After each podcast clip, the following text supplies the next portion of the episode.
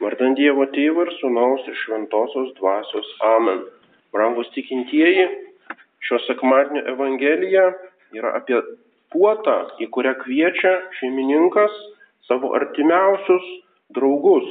Ir pirmoji prasmė šito, šitos Evangelijos yra apie dangiškąją puotą, tai yra apie Dievo karalystę, į kurią pirmiausia kviečiami žydai, žydų tauta Ir kai dauguma iš jų atsisako, tuomet šeimininkas kviečia visus išorinius, kurie nėra jo draugai, kurie toli buvo nuo jo atsitiktiniai žmonės ir tai yra pagonių tautos. Pagonis visos tautos, kurios užims tas vietas, kurios buvo numatytos žydų tautai. Ir netgi kviečiami tie, kurie netgi spiriojasi ir yra tie žodžiai varu atvaryk tuos žmonės. Reiškia, netgi e, jiems pirmiausia reikia kažkokios tai prievartos ir tik tai paskui jie suvokia, kokia didelė garbė jiems teko patekti į šitą dangaus karalystę.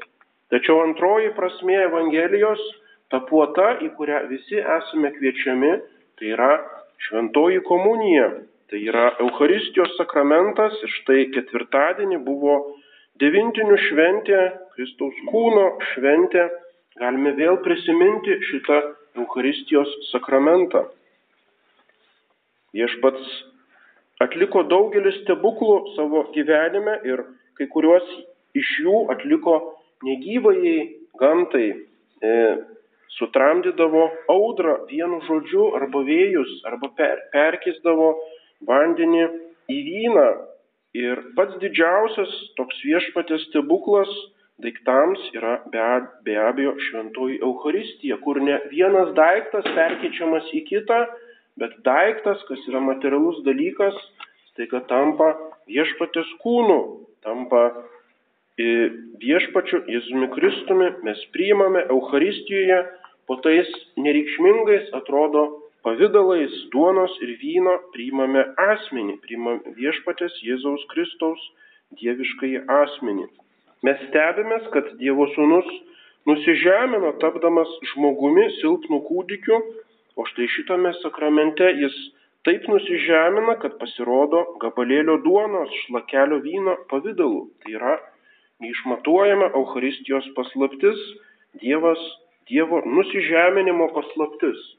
Jeigu jau įsikūnymas, pirmoji iš didžiausių e, mūsų tikėjimo paslapčių yra reiškia Dievo nusižeminimą, tai ką jau kalbėti apie Euharistiją.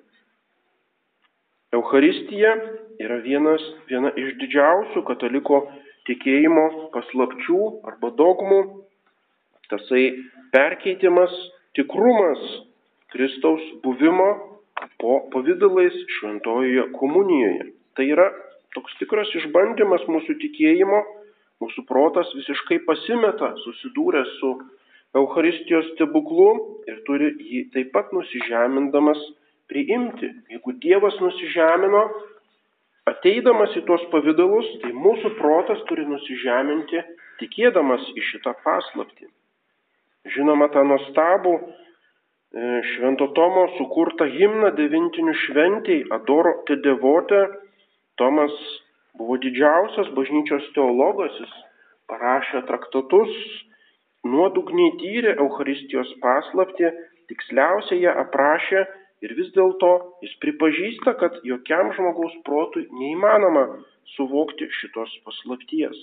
Tave pamaldžiai garbinu pasislėpusi dievybė, kuri po šiais pavydalais tikrai slėpiesi. Tau visai te paklūsta mano širdis, nes tave stebėdama visai nieko nemato. Mūsų akis ir žmogiškas protas nemato tos pasislėpusios dievystės, o gali tik tai ją pabaldžiai garbinti. Reikia lytėjimas, skonis tavy apsigauna, tik viena klausa saugiai tiki. Reiškia, iš visų žmogaus jūslių šita paslaptis skirta klausai. Mes klausomės Dievo žodžio, ką Jisai sako, tai yra mano kūnas, tai yra mano kraujas.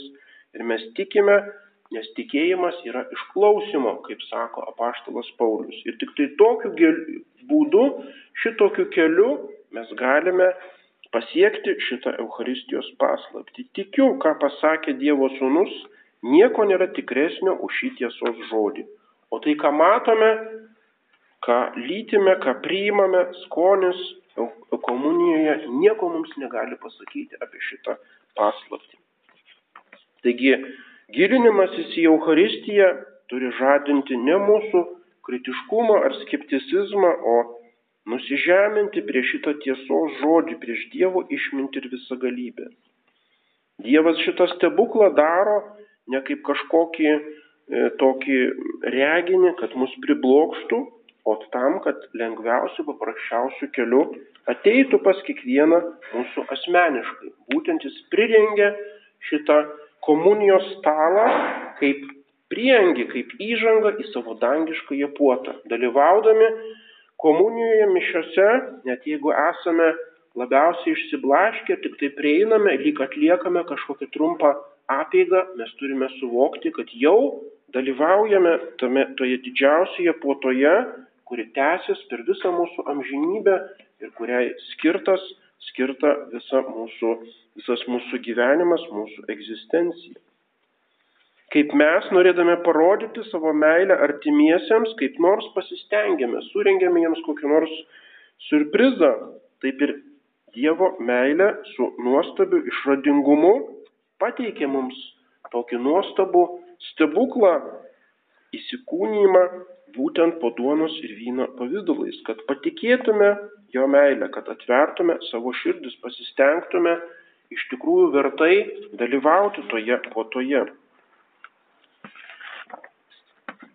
Konsekracijos metu įvyksta ne vienas, o ištisa grandinė nepaprastų stebuklų. Pirmiausia, duonos ir vyno esmė iš tikrųjų realiai virsta Kristaus kūnu ir krauju. Teologiškai arba filosofijoje tai vadinasi substancija. Dievo duonos ir vyno substancija virsta Kristaus kūnu ir krauju. Ir todėl tas stebuklas vadinasi transubstanciacija arba esmė kaita, perkeitimas esmės. Šitą žodį viduramžiais įvedė teologai ir bažnyčia Laterano ketvirtame susirinkime ir taip pat Tridento susirinkime jį dogmatizavo. Reiškia, žodis transubstanciacija jau nėra tik tai teologinis terminas, toksai spekuliatyvus, kažkoks sudėtingas žodis, bet yra tikėjimo dogma. Mes privalome tikėti ir pats tas žodis turi dogmos dogmos reikšmę. To žodžio nerasime šventajame rašte, tačiau jis labai tiksliai paaiškina, kas įvyksta, kad pasikeičia substancija, tai yra giliausia esmė duonos ir vyno. Tų žodžių tai yra mano kūnas, tai yra mano kraujas, neįmanoma paaiškinti simboliškai, bet turime tikėti būtent tais žodžiais. Kaip Dievas tarė savo žodį teesie ir atsirado dangus, atsirado žemė, šviesuliai ir visas pasaulis. Taip, tiesie vienu šitų žodžiu, tai, ką Dievas pasako, tai, ką jis nurodo, iš karto tampa tikrovė, tampa realybė. Ir šitai pabrėžia vėliau Jėzus Kristus, Jono Evangelija, šeštas skyrius. Aš esu gyvoji duona nužengusi iš dangaus. Kas valgy šią duoną, gyvens per amžius. Duona, kurią aš duosiu, yra mano kūnas už pasaulio gyvybę. Ir aišku, šitas mokymas neturėjo jokios, jokių analogų Senajame testamente. Jis visiškai netitiko to, ką pranašai kalbėdavo apie Dievo paslaptį arba apie Mesiją arba išganytoją Senajame testamente. Tai buvo kažkas negirdėto. Valgyti kito kūną, Sename testamente tai reiškia neapkesti arba e, kažkaip graužti, kankinti savo artimą. Tai neturėjo jokios prasmės žydams tas pasakymas, tai buvo visiška naujovė naujo testamento. Ir todėl žydai ėmė klausinėti, kaip jis gali mums duoti valgyti savo kūną. Ir Jėzus jiems kalbėjo, iš tiesų sakau jums, jei nevalgysite žmogaus sunaus kūną ir negersite jo kraujo, neturėsite savyje gyvybės. Kas valgo mano kūną ir geria mano kraują, tas turi amžinai gyvenimą ir aš jį prikelsiu paskutinėje dieną. Reiškia nuo to valgymo ir gėrimo priklauso amžinasis gyvenimas, priklauso prisikėlimas. Mano kūnas tikrai yra valgys ir mano kraujas tikrai yra gėrimas. Ir visiškai aiškiai pabrėžia, kad čia ne kažkokie simboliai ar kažkokia perkeltinė kalba, bet tai yra tikrai valgys ir tikrai yra gėrimas. Ir net tuomet, kai mokiniai sako, kieti tavo žodžiai, kas gali jų klausytis, Jėzus Kristus nepasitraukė, nesušvelnino tos paslapties ir nuo to meto nemaža jo mokinių dalis pasitraukė ir daugiau su juo nebevaikščiojo. Reiškia, Jėzus Kristus gina Euharistijos tiesą be jokių kompromisų, net rizikuodamas prarasti savo mokinius. Ir todėl nieko stebėtino, kad visų laikų klaidatikiai atakavo šitą tiesą, protestantai ir modernistai atmesdavo tą žodį transubstanciacija arba perkeitimas ir visai kitaip bandydavo aiškinti, kad tai yra transignifikacija, tai yra tik žymėjimas, kitoks simbolis, tai kas buvo simboliu mm, bendrystės e, arba e, būtent yra jame dvasiniu būdu išreiškiamas mūsų bendravimas su Jėzumi Kristumi ar kažkaip tai panašiai. Perkeitimo metu Dievas nesunaikina duonos ir vyno esmę ir jos vietoje sukuria kūną, tai nėra sunaikinimas ir sukūrimas kažko tai naujo, bet pati duonos ir vyno esmė pasikeičia. Pati visiškai virsta kūnu ir krauju. Tai yra, nėra sukūrimo Kristaus kūno, kadangi Kristaus kūnas visas yra danguje. Jeigu būtų kažkoks sukūrimo aktas, tai tada tas kūnas didėtų arba auktų per kiekvienas šventasias mišes atsirastų kažkoks padidėjimas šito kūno, bet taip visiškai nevyksta. Tiesiog sakramentiniu būdu ta pati esmė, kuri buvo, pasikeičia, virsta kūnu ir krauju.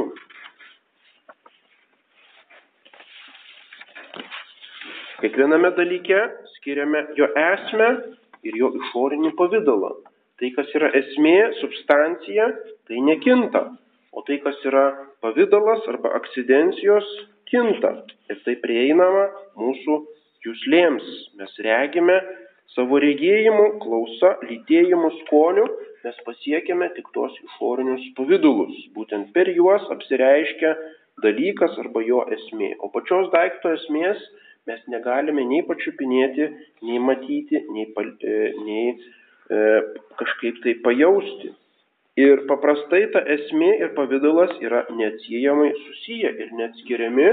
Ir todėl iš to, ką pajuntame, iš tų lytėjimo e, jūslių, iš tų akcidencijų, mes galime pasiekti substanciją. Taip yra normaliai.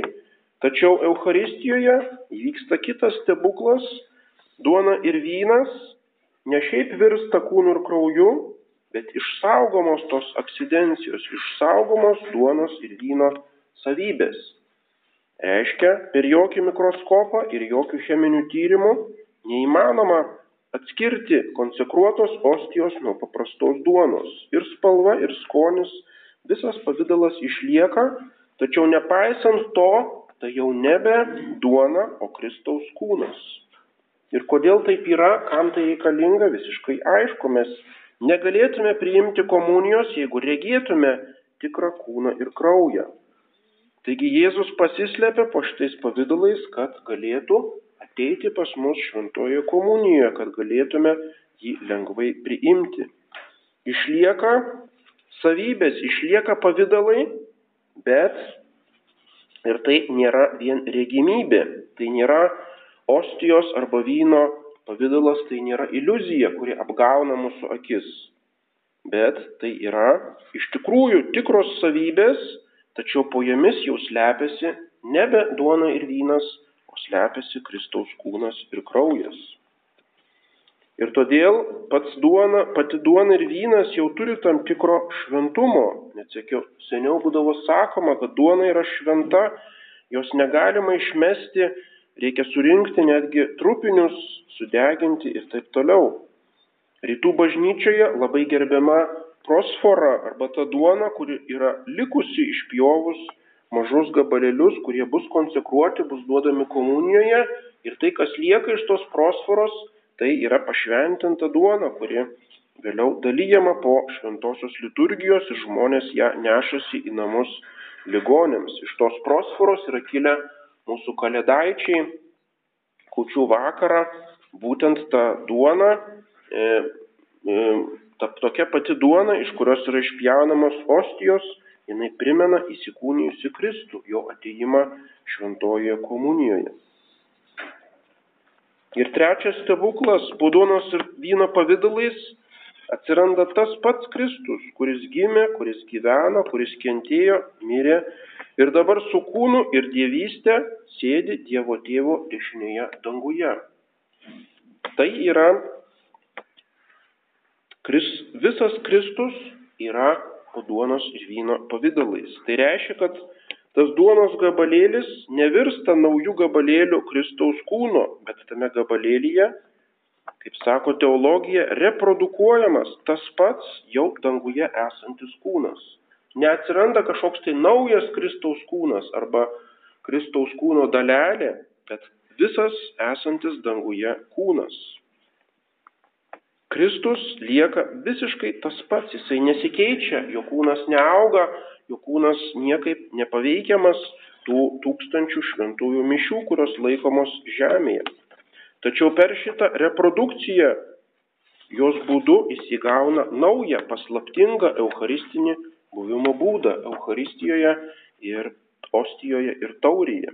Taigi konsekracija nėra tvėrimo aktas, nieko iš naujo nesukūriama, tačiau duonos ir vyno esmė pavirsta tuo jau danguje esančiu Kristaus kūnu ir krauju. Ir todėl mes vaizdingai kalbame, kad Kristus nusileidžia ant altoriaus, kad jis apsigyvena ostijoje. Ir tai yra tik tokia vaizdinga kalba, mes negalim įsivaizduoti, kad ostijos kaip kažkokio indo arba namelio, į kurį Kristus iš dangaus atkeliauja, jį įeina ir jame įsikūrė. Kristus lieka danguje, jis yra nekintamas, jis gyvena dievišką gyvenimą danguje ir niekur jam nereikia keliauti. Jis tiesiog stebuklingų būdų atsiranda eucharistiniu būdu po kiekvienos ostijos pavydalais šalia mūsų, kad taptų mums artimas, kad ateitų pas mus. Ir tai yra eucharistinis Jėzaus buvimas, kuris yra e, ne šiaip paprastas fizinis buvimas, bet aukštesnio, aukštesnio lygio buvimas. Ir todėl Kristus nenusileidžia iš dangaus, bet galima sakyti, kad mes patys atsidūrėme danguje, nes ten, kur yra Dievas, ten ir yra dangus, tokia yra dangaus, toks yra dangaus apibrėžimas. Ir ten, kur yra Kristus, ten irgi yra dangus. Bažnyčia per šventasias mišes tampa dangumi. Čia susirenka dangaus angelai, kad pagarbintų viešpati Euharistijoje. Mes galime savo tikėjimo akimis matyti tą Kristų, kuris, kurį danguje matysime fizinėmis akimis, savo prikeltojo kūno akimis dangaus šlovėje.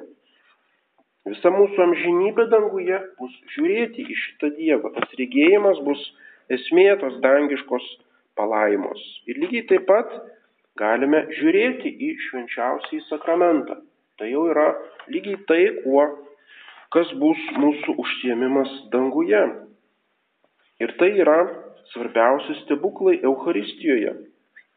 Šventasis Arso klebonas Jonas Vienėjus pastebėdavo, kad vienas iš jo tikinčiųjų, paprastas valstietis, ištisas valandas klūpėdavo bažnyčioje Arse, žiūrėdavo į tabernakulį ir šventasis paklausė, ką jis čia taip ilgai daro?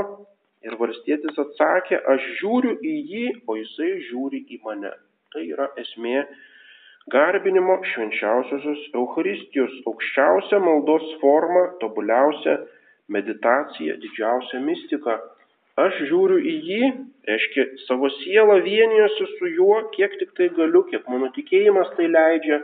Aš nematau nieko po tais pavydalais bet aš tikiu, kad jisai žiūri į mane, reiškia jo žvilgsnis, reiškia jo apvaizda, jisai rūpinasi manimi, jisai e, žvelgia į mane savo mylinčių žvilgsnių. Ir taip galime mes žiūrėti į Jėzų Kristų, kaip į jį žiūrėjo jo motina, jo apaštalai, mokiniai, kaip į jį žvelgia apaštalas Tomas, kuris sušuko, mano viešpats ir mano Dievas. Lygiai taip galime pasakyti, žiūrėdami į ostiją prieš priimdami šventąją komuniją. Mano viešpats ir mano Dievas žvelgia iš tos ostijos į mane. Ir būtent tai išsako šventasis Tomas Akvinietis, adoroti devotę, žodžiuose, ant kryžiaus slėpėsi tikra dievystė, o čia kartu slepiasi ir žmogystė. Tačiau abu tikėdamas ir išpažindamas prašau, ko prašė atgailaujantis plėšikas. Žaizdų kaip Tomas nematau, tačiau išpažįstu tave savo Dievu. Duok man tave vis labiau tikėti tavimi viltis, tave mylėti. Amen. Vardant Dievo Tėvų ir Sūnaus ir Šventosios Dvasios. Amen.